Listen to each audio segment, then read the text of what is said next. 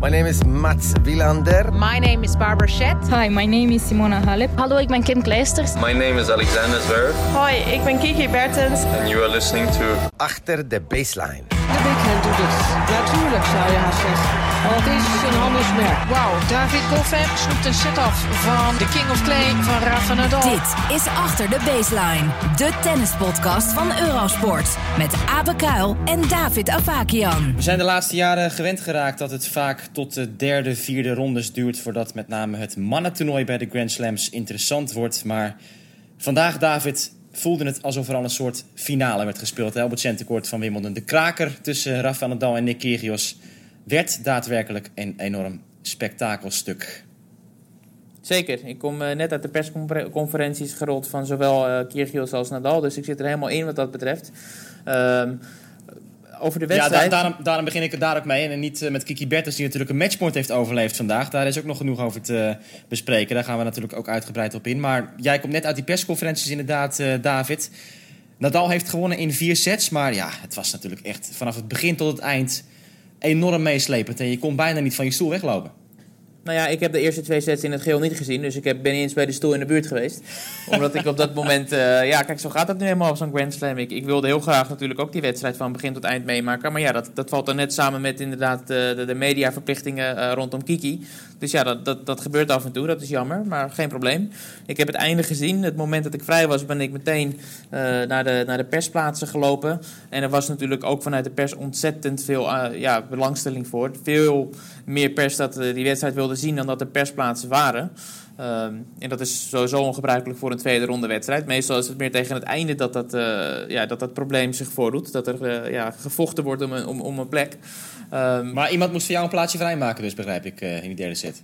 Nee, kijk, tegen de tijd dat ik dus ja, klaar, klaar was, ja, was, er al gewoon genoeg, genoeg ruimte. Want veel mensen die gaan aan het begin kijken en dan een aantal sets. En ja, die hebben ook weer verplichtingen zoals ik dat had.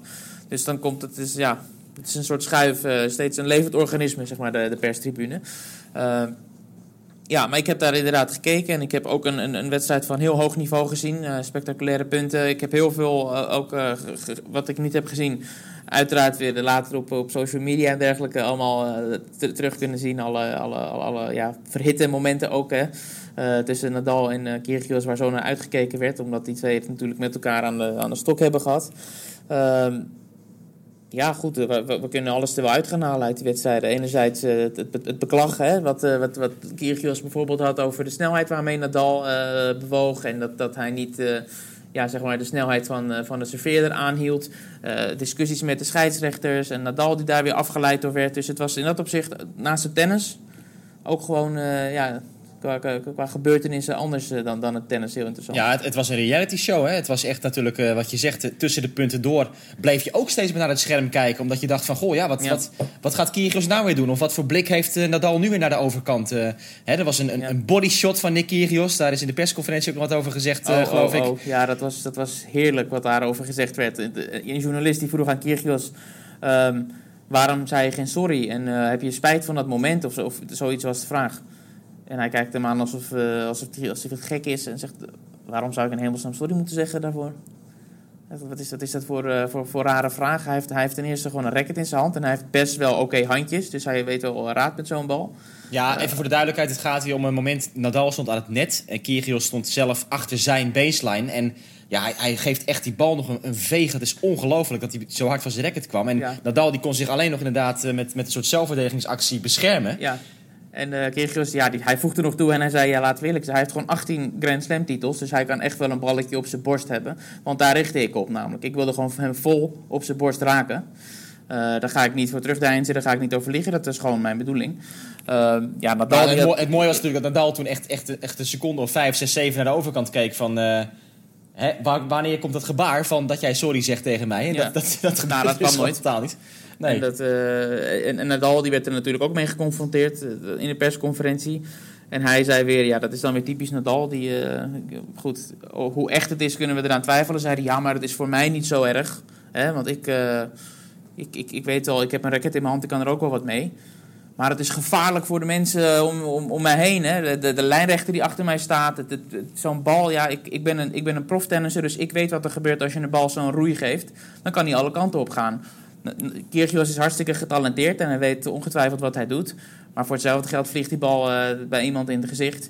Nou, dat is Nou, wel- het, het, gebeur- het, ge- het gebeurde wel dat een keer, ook op een service van Nadal, Kyrgios ook zo'n roei gaf. En die ging inderdaad gelijk het, het achterhek in. Ja. Eh, zoals een lijnrechter daar even niet opletten, heeft hij ook een, een blauw oog. Maar Ja. Maar ja, goed. Dus dat was, eh, was leuk om, eh, om, om, om te volgen hoe die twee elkaar eh, ook eh, ja, na de wedstrijd een beetje bespeelden. Maar goed, los van die emotionele momenten, ze hadden heel veel respect voor elkaars tennis. Uiteraard, Nadal die heeft, gaf ook meteen aan dat Kyrgios ontzettend veel talent in zich heeft. Ehm, en een journalist die, die, die, die, die formuleerde een vraag van... Als Kyrgios meer zijn best zou doen, als hij dit zou doen, als hij dat zou doen, wat kan hij dan doen? En toen had Nadal met zijn heerlijke Spaanse accent een soort reactie van... If, if, if, if doesn't exist in tennis, zei hij. Dus dat was toch hartstikke, hartstikke leuk de manier waarop hij dat, eh, waarop hij dat zei. Ehm, maar ja, goed, hij heeft ook gezegd, weet je, als Kyrgios alles op een rijtje heeft, dan kan hij een, eh, een Grand Slam winnen. Ja, goed. eh, ja, dat is, dat is ook Ja. geen nieuwe uitspraak. Maar Nee. dat is. Nee, maar kijk, dat, Nadal is ook gewoon daar ehm, altijd gewoon heel lovend over, over het spel van Kyrgios. Hè. Dat, dat hij gewoon, als hij zo'n dag als vandaag heeft, ja, dan kan hij van iedereen winnen. Nadal wist ook van tevoren, zei hij natuurlijk van dit soort wedstrijden, ja, dan staat hij er ook altijd. Eh, als hij tegen mij speelt of tegen een andere wereldtopper, dan kan hij het, het wel opbrengen. Ik, ik vond het ook erg interessant om gewoon te zien dat je in zo'n partij dus, hè, het is een best of five. Ja, Kyrgios, die, vanaf begin tot eind, hij was serieus met eh, de wedstrijd bezig. Goed, hij doet nog rare dingen op de baan, maar wel met een serieuze insteek van ik zit in wedstrijdmodus en ik wil Ja. deze partij verdorie gaan winnen. Ja. En, eh, hè, en die houding heeft hij echt, echt gewoon volgehouden. Nou, we weten normaal gesproken als hij dat drie, vier games achter elkaar kan in een wedstrijd gemiddeld, dan is het al eh, bijna een prestatie voor hem. Zeker, zeker. En een onderdeel ook van dat, eh, wat voor hem een serieuze manier van tennis is en doelgericht om punten te winnen, is ook die onderhandse service. Want daar had iedereen het ook over. Gaat hij het doen? Durft hij het aan? Eh, en wel degelijk heeft hij het een aantal keer gedaan, met succes ook. Twee keer. Ehm, ja, Nadal die ging steeds in de fout erbij. Dus, maar dat is voor hem gewoon een, een tactiek. En dat is ook zo'n punt van, eh, dat is totaal niet onsportief. Dat, dat kan gewoon. Ehm, ja, wat is er verder nog, eh, nog, nog gezegd? Er is heel veel uiteraard eh, over en weer gegaan. Ik vergeet, ik vergeet ongetwijfeld iets. Ik vond nog wel opmerkelijk dat Nadal aangaf dat, ehm, dat zo'n discussiemoment in de wedstrijd hem uit zijn concentratie haalde. Klopt. En, en dat dat, dan, dat ook echt effect had op zijn spel. Hij Ehm, had teruggebroken in de tweede set Ja. naar 4-3. Toen kwam er een hele lange discussie eh, tijdens de changeover. En Nadal bleef daar een beetje in hangen met zijn hoofd. En toen werd hij prompt weer gebroken. Ja, en toen kon uh, Kyrgios die tweede set uitserveren. En dat zag je ook eh, in het interview nog eh, met, Ja. met eh, gelijk na de baan, zeg maar. Dat, dat hij dat echt, echt zo'n baalmoment had van ja, dat had nooit mogen gebeuren natuurlijk. Dat ik daar mijn concentratie verloor. Ja. Ik wil één ding voordat ik het vergeet, wil ik het noemen. Er was natuurlijk gisteravond al eh, een, een, een, sappig feitje eh, rondom deze wedstrijd. En dat was dat Nick Kyrgios was gesignaleerd in een van de lokale pubs eh, hier op Wimbledon, in de Village. Waar hij Dog en Fox, hè? De Dog en Fox, zeker. eh, waar, waar hij ja, toch, toch tot redelijk eh, laat eh, met, een- met, met een drankje in zijn hand eh, aan het ja, feestvieren, weet ik niet. Maar in ieder geval aan de, aan de bar stond. Eh, en een van, de, een van de collega's van mij, die zat in de persconferentie en die wilde een vraag stellen. Maar die werd halverwege onderbroken van... Jij zat in de pub gisteren. En dat was natuurlijk hilariteit alom in de, in de perszaal. Dus eh, ja, gekte eigenlijk dat het allemaal zo kan. Maar eh, ja, het heeft verder geen effect gehad op, op zijn niveau. Want hij heeft een heel hoog niveau gehaald. Beaamde ook een keer zelf dat hij gewoon heel goed heeft gespeeld. En dat Nadal op de belangrijke punten gewoon te sterk was. Ja, en dat is wel eh, opmerkelijk nog. Want in de ontmoetingen hiervoor hadden ze vijf keer een tiebreak tegen elkaar gespeeld. En die waren allemaal gewonnen door Kyrgios. Dit jaar nog een tiebreak derde set in Acapulco. Waarin eh, Nadal volgens mij met 6-3 voor stond. Zelfs nog in die beslissende tiebreak. En Kyrgios pakte hem nog. Nou ja, en nu zijn natuurlijk die tiebreaks toch doorslaggevend geworden voor de uitkomst van de partij. In het voordeel van Nadal. Want de laatste twee Ja. sets gingen in tiebreaks naar, eh, naar Rafa. Nou, Nadal zou het helemaal met je eens zijn. Hij zei net in de persconferentie dat hij ontzettend blij was met het feit dat hij twee tiebreaks heeft gewonnen van Kyrgios. Omdat het zo moeilijk is om dat te doen tegen Kyrgios, een tiebreak winnen. Dus hij was zich ook bewust van eh, dat verleden. Waarom dan? Maar hij hij het verder niet uit, uit. Hij, zei- hij eigenlijk alleen van, weet je, ik, ik, een van de dingen waar ik heel erg blij mee was, eh, was mijn niveau in de tiebreaks. Wetende hoe lastig dat is tegen Kyrgios om zo'n tiebreak. Met zijn service, die natuurlijk... Ja, hij- precies. Hij kan net zo goed gewoon op al zijn eigen punten een E slaan. Dus dat bedoelde hij. Ja. Goed, ehm, ja, het was dus echt, echt smullen geblazen. Eh, dit was alles ding. van jou? Oh, nog één ding, oké. Ja, terug over die pub. Want de allereerste vraag in de persconferentie van Kyrgios was weer meteen raak. Er was één journalist, ik, vermoedelijk van eh, een van de tabloids hier, dus niet echt een tennisjournalist, die meteen eh, met gestrekt been erin ging van, nou, die, die- toen je gisteren in de pub stond, had je dit voor ogen of was dit de voorbereiding of, of het resultaat wat je had gehoopt? Waarop Kyrgios keihard terugsloeg en zei, moet je je nou zien zitten? Ik ben blij dat je die vraag kan stellen. hè? Jij moet vast een ontzettend saai leven hebben. Ja, Dat was het antwoord van Kyrgios. toen was het toon eh, Thomas gezet. Ja. Ja, jongen, jongen. Ehm, ik zag ook nog iets voorbij komen over, over ja, dat, dat Kyrgios natuurlijk weer de vraag kreeg van eh, hè, of hij dit altijd kan doen of zo. Of, of hij dan eh Grand Slams kan winnen in de toekomst. En ehm, nou ja, goed, dat, dat, ja, dat, dat weet hij ook niet, hè, Kyrgios. Hij, hij weet dat hij nu dat, dat niet kan, dag in dag uit professioneel Ja. met de sport bezig Nou, dat zei hij letterlijk, ja. Precies. En het is de vraag of dat ooit gaat komen. Eh, hij zei ook van ja, dus op dit moment ehm, ben ik Niet. in staat om een Grand Slam te winnen. Nee, Nee. klopt. En ik weet niet of ik dat wil, zei hij ook. Ik weet niet of ik ooit op een moment ga aankomen dat ik eh, alles op alles ga zetten. We kunnen nog heel veel eh, meer doorpraten over deze Ja. wedstrijd. Eigenlijk zouden we dat ook heel graag doen, David. Maar we hebben nog ehm, veel meer te bespreken. Er zijn ehm, hele bijzondere resultaten geweest. Natuurlijk ook ehm, viel daaronder die wedstrijd van Kiki Bertens tegen Taylor Townsend. Het werd een puzzel. Gaf eh, Raymond Sluiter van tevoren aan, eh, volgens mij, iets in, in, in die eh, bewoordingen om, om daar een goede oplossing op te vinden. Dat Ja. bijzondere spel van Taylor Townsend. Nou, we hebben het gisteren verteld ook dat zij dus heel graag naar het net komt. En het begint al bij het inspelen. Ja. Die traditie had ze nog steeds. Want ik, ik deed het commentaar bij de partij. Ik zat te kijken. En je zag inderdaad de tos. En eh, nou, eh, beslist is eh, wie er wat gaat doen. En Bertens loopt natuurlijk naar de baseline toe. En Townsend blijft lekker staan bij het net. En die gaat beginnen met die volleys. Ja. En, en daarna gaan ze pas, gaat ze pas naar achteren ook. Maar de wedstrijd zelf, ehm, David, hoe heb jij dat gezien? Ik heb het eh, op twee manieren. Ik heb er zowel ehm, vanaf een heel hoog, mooi vanaf, het, vanaf boven naar beneden gekeken als een soort vogeluitzicht. Eh, als ook eh, af en toe ga ik dan terug, toch terug naar mijn, eh, naar mijn scherm, omdat het ook wel leuk is om, om, om, om te zien hoe de gezichtsuitdrukkingen natuurlijk zijn. Ehm, maar ja, spannend, ontzettend spannend. Want Kiki die, die, die begon heel goed, vond ze zelf ook. Maar ja, toch raakte ze een beetje ja, in de war of lukte het niet helemaal in de eerste set. Die Nee, maar er waren, ook. twee, er waren twee hele rare games in de eerste set. Want, Ja. want Bertens werd gebroken nadat ze 40-0 voor stond Ja. in een game. En ze had aan het eind nog 0-40 op de service van Townsend. En ook toen weer gingen er vijf punten op rij naar de Amerikaanse... die wel echt, echt ongelooflijk stond te verleren in die openingsset. Ja. Elke keer als ze naar voren kwam, was het gewoon raak. Ja, Townsend sowieso een genot om naar te kijken. De hele wedstrijd van, eh, van, van begin tot eind. Wat een, wat een instinct heeft ze ook. En een goed zi- ziet in het spelletje. En een goed leest alles. Waarmee ze ontzettend compenseert natuurlijk voor haar eh, ja, toch gebrek aan enig eh, loopvermogen. Ja, als je alles van tevoren al ziet, dan, eh, dan, dan helpt dat natuurlijk. Ehm, Ik, ik vond dat nog best goed vanaf de baseline eigenlijk. Ja, Als, ja. Zeker in die openingsset. Bijna geen fouten gemaakt. Ze hield die rallies vrij lang. Vast. En als dan de kans zeker. kwam, kwam ze naar voren toe. En ja, dan... Ik heb het ook nog in de uitzending gezegd. Ik moet dan heel vaak terugdenken aan, aan een uitspraak die Andy Roddick ooit deed. Kijk, zij is nu de nummer 123 van de wereld. En Roddick zei ooit, als je tegen iemand speelt met een lage ranking... dan wacht je een beetje op het moment dat zij laten zien waarom zij die ranking hebben. Kortom, het, het is natuurlijk bijna niet te doen om dat van begin tot eind vol te houden, zo'n hoog niveau. Ja. Dat is niet wat je verwacht als iemand zo laag staat. Dus nou, Bertens leek misschien ook wel een beetje daaraan te denken. Ja, niet, zij zou waarschijnlijk die uitspraak van Roddick niet kennen, maar wel in het achterhoofd hebben van, goh, zij raakt nu bijna alles. En ik sta zelf niet eens zo slecht te spelen. Ik heb net een paar kansjes niet gemist. Ze be- behield wel die rust. Dat vond ik wel goed om te zien, ook in die tweede set. Dus Zeker. zeker ook tegen iemand die je heel onrustig kan maken...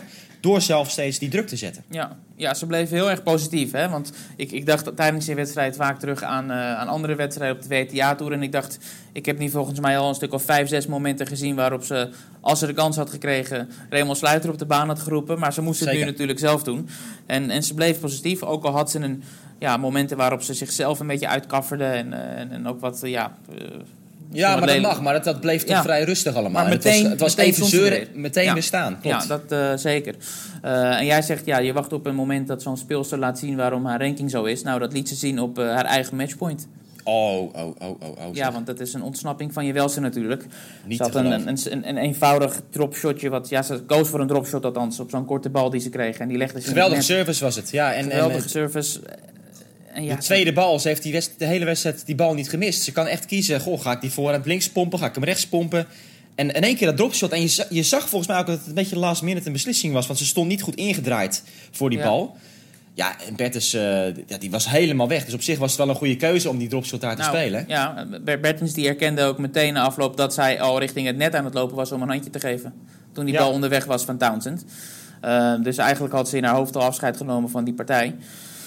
Het is nu wel zo dat, eh dat Bertens ehm, het nu een keer ervaart hoe het is om een wedstrijd te winnen na een matchpoint overleefd te hebben. Want we hebben Ja. een paar keer meegemaakt dit jaar dat zij echt eh, ja, hele zure nederlagen heeft geleden. Drie keer had ze matchpoints in partijen die ze toch nog verloor. Onlangs in Rosmalen natuurlijk nog vijf tegen Alison Ja. Risk in de eindstrijd. Dus ehm, het zat nu een keer mee. Ja, dat Dat geluk dat eh, verdient ze wel. Na zo'n pechreeks, ook als we weer terugdenken natuurlijk aan wat er op Roland Garros gebeurde. Exact. Dus ja, goed. Het is een, een, een- zware bevalling geweest, maar wie weet dat ze van een vier verder kan bouwen. Ik zei het ook tegen haar in een interview. Je hebt nu eerste ronde de ervaring gehad dat je ineens op centercourt moest. Nu deze zware partij. Het voelt alsof ze al heel veel heeft eh, moeten doen, al heel veel heeft moeten beleven. Eh, terwijl ze nu pas, eh, tussen aanhalingstekens, in de derde ronde staat. Heb jij nog met, eh, met Raymond gesproken of zo? Ik geloof het wel, hè, na afloop. Ja, ja, zeker. Ja. En ook Raymond was hartstikke trots met de manier waarop ze deze wedstrijd om wist te draaien. En ja, eerder gaf hij aan dat, dat Kiki de keuze moest maken. Hè? Dat, dat hij alle handvaten geeft en alle opties aan haar biedt. Van aanvallend spelen is heel goed. En het viel mij ook op dat ze het echt deed op de momenten dat het moest. Want nog voor dat matchpoint trouwens, in die tweede set, had Kiki natuurlijk zelf al setpoints ja, om die tweede set eh, binnen te slepen. En dus dat was ook nog een mentale tik natuurlijk die ze te verduren kreeg. Ehm dus vijf keer Ray- voorgestaan. Ja. ja, ja, Raymond was hartstikke blij en, eh, en volkomen terecht natuurlijk met de manier waarop Kiki eh, hier doorheen is gekomen. Ja, want niet te vergeten, ze stond een set en een break achter. Dus Ja. eh, het, het leek echt even serieus mis te gaan in die wedstrijd. Al voordat het matchpoint kwam op 6-5 voor eh, Taylor Townsend. Maar Bertens gaat door en ze gaat spelen tegen Barbara Strichova. Nou, dat is ook weer een speelster die we eh, in Ja. een soort eigen hokje kunnen plaatsen. Hè? Net, als, Ja. net als Taylor Townsend. Maar, Maar, dan op een hele andere manier. Nou, misschien niet op een hele andere manier. Want zowel Kiki als Raymond die waren blij dat ze nu voordat ze tegen Strietsova moeten spelen, tegen Townsend hebben mogen spelen. Want het is ook een speelster, bij die waar kan het net opzoekt. Dus Kiki heeft nu al met die ervaring eh, net gehad dat ze met passing shots moet werken en dat ze met een speelster die aan het net staat eh, daarmee moet omgaan. Ja, het grote verschil is natuurlijk dat Townsend links is en Strietsova niet. Eh, dus ja, de spin zal anders aankomen. Maar het is een goede voorbereiding hoor. Ja, goed, ik vind, ik vind ook wel iets meer een, eh, iemand die ook gewoon rommelt vanuit de baseline. Het zit een be- beetje tussen een, eh, nou ja, als je het echt in de extreme moet plaatsen, tussen een Townsend en een Nicolescu in, zeg maar. Ja, ja. Ook met, eh, met, met de slices natuurlijk die veel worden, worden gebruikt. Ehm, ja, dat wordt echt een lastige partij. Dat is, Zeker. Speelt Dat goed kan op ze gras, echt zo, zomaar verliezen. Ja, absoluut. Dat, Bertens zal heel ongemakkelijk worden gemaakt in de rallies, denk ik, door de afwisseling van, van Stricheva. Maar dat gaat dus over twee dagen gebeuren. We moeten toch eh, doorschakelen weer, David. Ehm, er zijn ja, vooral bij de vrouwen natuurlijk een paar bijzondere uitslagen geweest. We hebben de uitschakeling gezien van Angelique Kerber. En die zag ik echt niet aankomen. Nee, ik ook niet. En ik zag hem ook letterlijk, ik heb hem ook letterlijk niet gezien, die wedstrijd. eh, moet ik eh, erkennen, omdat ik met iets anders bezig was op dat moment. Dus Ja, ik, ik, kan, ik, kan, ik niet goed beoordelen wat daar gebeurd is. Nee, ik ook niet. Nee, het was tijdens Kiki. En ondertussen zag ik die score steeds voorbij komen. Maar Ja. ehm, Lucky loser, Ja. hè? Angelique Kerber, Lauren- of eh, Lauren Davis. Lauren Davis, ja, dat was een Ja. tijd dat zij ook nog eh, best aardig resultaten haalde. Ja. Zij heeft ook veel blessures gehad. Eh, ik zag dat vandaag haar been ook weer stevig was ingepakt. Maar Ja. grote deceptie voor Angelique Kerber. Nou, het, ging tegelijkertijd ook even helemaal mis met Serena Williams. Maar die heeft zich Ja. kunnen herpakken. Die verloor de openingsset van een meisje dat nog op de middelbare school zit. Kaya Juvan. Tja. Ja, eh, te gek voor woorden. Ik, ik, op een gegeven moment stond er ook 3-0 in die eerste set. Eh, iedereen eh, alert natuurlijk. Eh, upset alert wordt er dan overal natuurlijk naar buiten gebracht. Maar ze wist het ja, tot 6-4 in de derde set uiteindelijk werd het. Ja, want te Juvan, die, won die set, die openingsset. Ja. zelfs. Ja, zeker. Dus, eh, ja. Ja. Ashley Barty, nummer 1 van de wereld. Ja, die was weer soeverein tegen Alison van Uitvank aan het Ja. begin van de dag. Alsof er niks Am- aan de hand is. Alsof ze niet nummer 1 is. Alsof ze niet eh, net iets heeft gewonnen. En we zeiden het al toen ze Roland Garros won. Hè, dat het op gras eigenlijk veel beter is. Ja, en Ja. zij heeft geen partij meer verloren. Hè. De laatste Nee. nederlaag was in, in Rome voor Ashley Barty. Ja. Het is echt ongekend waar zij eh, mee bezig is. Ehm, verrassend is de uitschakeling ook wel van Amanda Anisimova. De halve finaliste op Roland Garros verloor van Magdalinet uit Polen. Ja. Ja, weinig eh, ervaring hè, op, op, op gras. Daar gaf het aan in Rosmaal ook eh, in gesprek met ons. zeggen. Ja, klopt. Dat ze, dat ze ja, twee jaar geleden voor het laatst eh, of zoiets op had gespeeld. Dus het is misschien niet zo'n grote verrassing. Sloan Stevens maakte gehakt van Wang Yafan. Johanna Konta won van Katrina Sinjakova. Petra Kvitova versloeg Kristina Mladenovic. Kvitova die pas een paar dagen voordat Wimbledon begon het racket oppakte na een blessure. Die blijft dus toch knap winnen. Ja, en, En, ze heeft wel aangegeven dat, ze, dat die, die arm dat is niet zo goed als je denkt hoor. Hoe, hoe dat eh, ervoor staat. Ook op dagen dat ze geen wedstrijd speelt, slaat ze geen bal. Nee, maar dat doet ze nooit, hè? Nee, dat is haar nou, dat, heeft ze, dat is niet altijd het geval geweest. Dat heeft ze in het verleden wel eens gedaan. Maar nu is het echt de reden om... om volgens mij is dat op Wimbledon anders hoor. Dat ze op, op vrije dagen eh, geen bal slaat. Ja, bij de US Open doet ze het al een paar jaar niet. Ik dacht Ja, in Melbourne klopt. dit jaar ook niet. Ja, maar US Open doet ze niet omdat het eh, de anderhalf uur duurt voordat je, voordat je er bent. Ehm, ja, dat, ik wilde nog over Sloane Stevens kort iets zeggen. Ja. Want zij heeft eh, een punt gemaakt ook van het feit dat de banen wat trager spelen... en dat ze daar ontzettend blij mee is. Ja, Sloan Sloan Stevens wel natuurlijk. Ja. dat is, Gecoacht eh, door Sven Groeneveld, herhalen we nog maar een keer. Is het tenminste niet bij elke bal een pasje te laat. Wat, eh, wat ze soms wel heeft op snelle baassoorten. Ja. Ehm, een, een derde ronde trouwens die eraan zit te komen nog... is Serena Williams tegen Julia Gerges. Ja. Herhaling van de halve finale van vorig jaar. Gerges won van Varvara Flink. Dat is wel echt een uitdaging hoor. Dat, dat moet ik nog zien of Serena dat, eh, dat gaat winnen van Gerges. Zeker. Zeker, absoluut. Jij kijkt daar ontzettend naar uit. Ik, ik, Gurgus is, er- is in een goede vorm. Dus ja, ik, eh, ik wil het wel zien. Ja. Dat ehm, wat betreft de belangrijkste vrouwenresultaten bij de mannen... hebben we ook nog een aantal eh, uitschakelingen gehad. Marin Cilic verliest van João Sosa, David. Ja, ik, weet niet meer precies hoe jij het verwoordde in de vorige podcast. Iets over Cilic, dat hij geen pepernoot raakt dit jaar, geloof ik. Eh, nou, dat is weer gebleken. 6-4, 6-4, 6-4, straight sets. Hij verloor van Diego Schwartzman op de Queens Club. En nu dus van eh João Sosa hier op Wimbledon. Ja, dat zijn natuurlijk twee eh anti-grasspelers bijna, zou ik zeggen. Het is niet te geloven, joh. Ja, ja dat, er is iets goed mis eh, bij Cilic. John Isner, op papier is het ook een eh, behoorlijke verrassing... dat hij verliest van Mikhail Kukushkin. Maar in de praktijk ligt dat ook iets genuanceerder, David. Ja, zeker. Kukushkin is een hele, hele goede eh, grasspeler. En Isner, zoals aangegeven is, pas net terug van een hele lange blessureperiode. De langste blessureperiode, zei hij in zijn carrière, of één van de. Ehm, vijf sets, hè, wel. Ja. Kukushkin. eh, Ehm, ja. ja.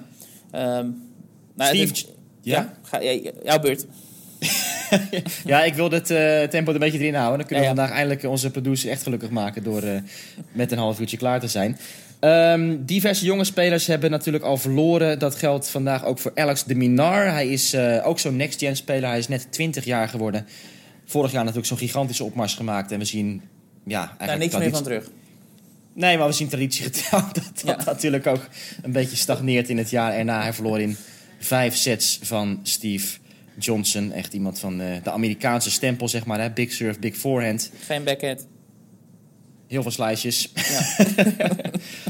Maar dat was trouwens wel raar. Ik heb die, die vijfde set heb ik ook eh, eh, van commentaar gezien bij Eurosport. En het gekke was, de Minar heeft vier keer 0-30 gehad. En een keer 0-15 ook in die laatste set. Elke keer dus kwam Johnson eh, op achterstand.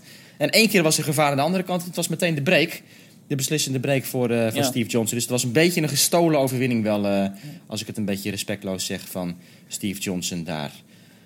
Wat hebben we nog meer gehad? Matteo Berrettini heeft de carrière beëindigd van Marcos Baghdatis, de oud-halve finalist. Dat zorgde nog voor emotionele taferelen natuurlijk daar. Want ja, Baghdatis enorm geliefd altijd geweest in zijn carrière. Toch, eh, toch jammer dat zo'n figuur afscheid neemt. Al hebben we hem de laatste jaren sowieso al eh, minder meer kunnen zien vanwege fysieke problemen.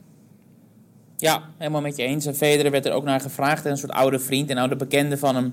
Om ja, een beetje eh, zijn herinneringen op te halen.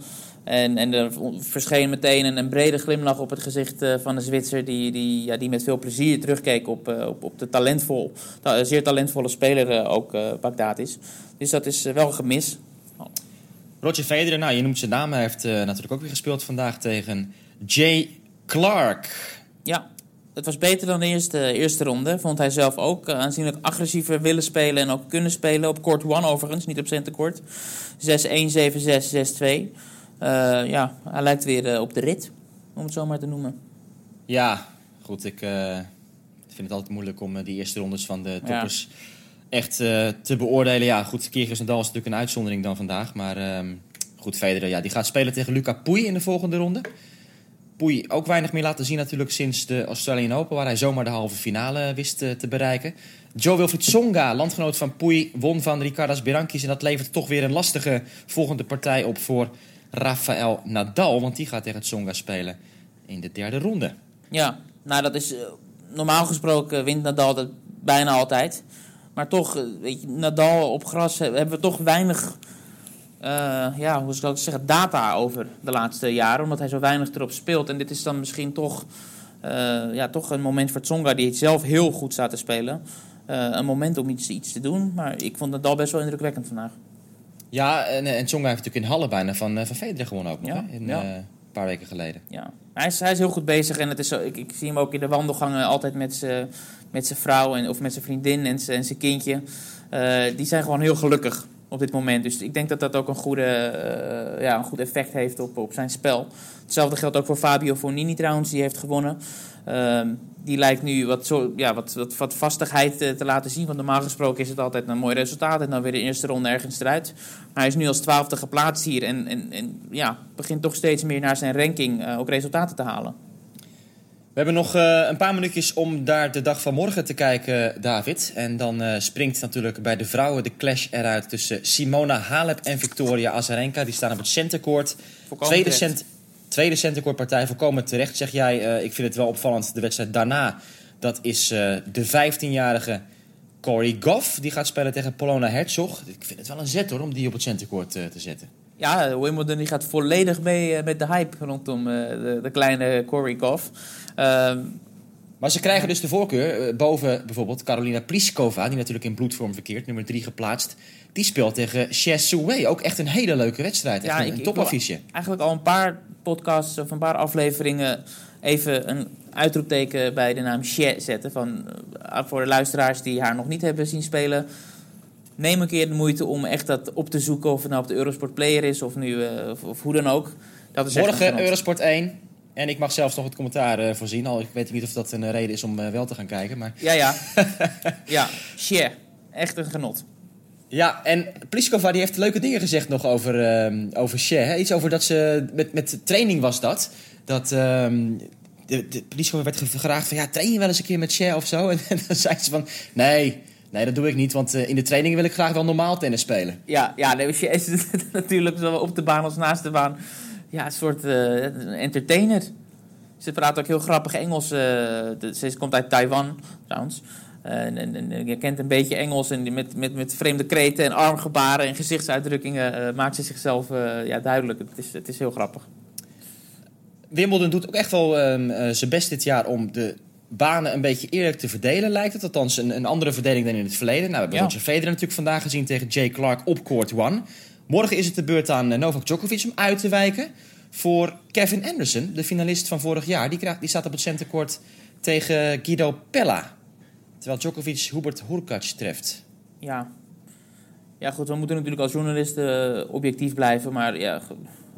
Kevin Anderson moet je toch als je de keuze hebt niet op centercourt zetten. Met alle respect. Nou, kijk, je, je kan dat wel doen als hij eh, het laatste half jaar heeft bewezen dat hij overal gewoon eh, hè, weer zijn, zijn ranking waarmaakt. Maar hij is natuurlijk gewoon heel lang afwezig geweest. Ja. Dus het- dat maakt het een beetje raar, vind ik. Hij is gewoon Ja. totaal niet in de picture eigenlijk als, eh, als, als kanshebber. Maar ja, dat, dan komen we weer terug op ons gesprek van gisteren, denk ik, David. Dat we aangeven, wie zit er nou achter die grote drie? Ja, er valt een enorm gat. En Anderson is dan dus wel gewoon nog steeds de nummer vier geplaatst hier. Ja, nou ja, goed, misschien eh, heeft hij gewoon inderdaad een, eh, groot aanzien. Hè? Zowel bij de organisatie als eh, toch ook bij de fans. Maar ik kan me niet voorstellen dat als je morgen een centercourt ticket hebt... en je kijkt naar welke mannenpartij je gaat zien... dat je dan ja, een gat in de lucht springt. Nee. Op court 1 staat nog Felix Auger Aliassime tegen Hugo Humbert. Dat is ook een jonge speler. Dat is de derde partij dan van de dag. En dan gaan we dus kijken of Auger Aliassime kan doorpakken. Ja, het zou natuurlijk fantastisch zijn als Djokovic en Auger Aliassime allebei winnen. Want dan krijgen we die clash tussen eh, die twee spelers in de vierde ronde.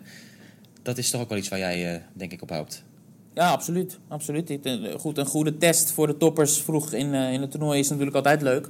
Leuker dan dat ze alles ja, met vlag en wimpel doorstaan. Dus hopelijk komt het zover.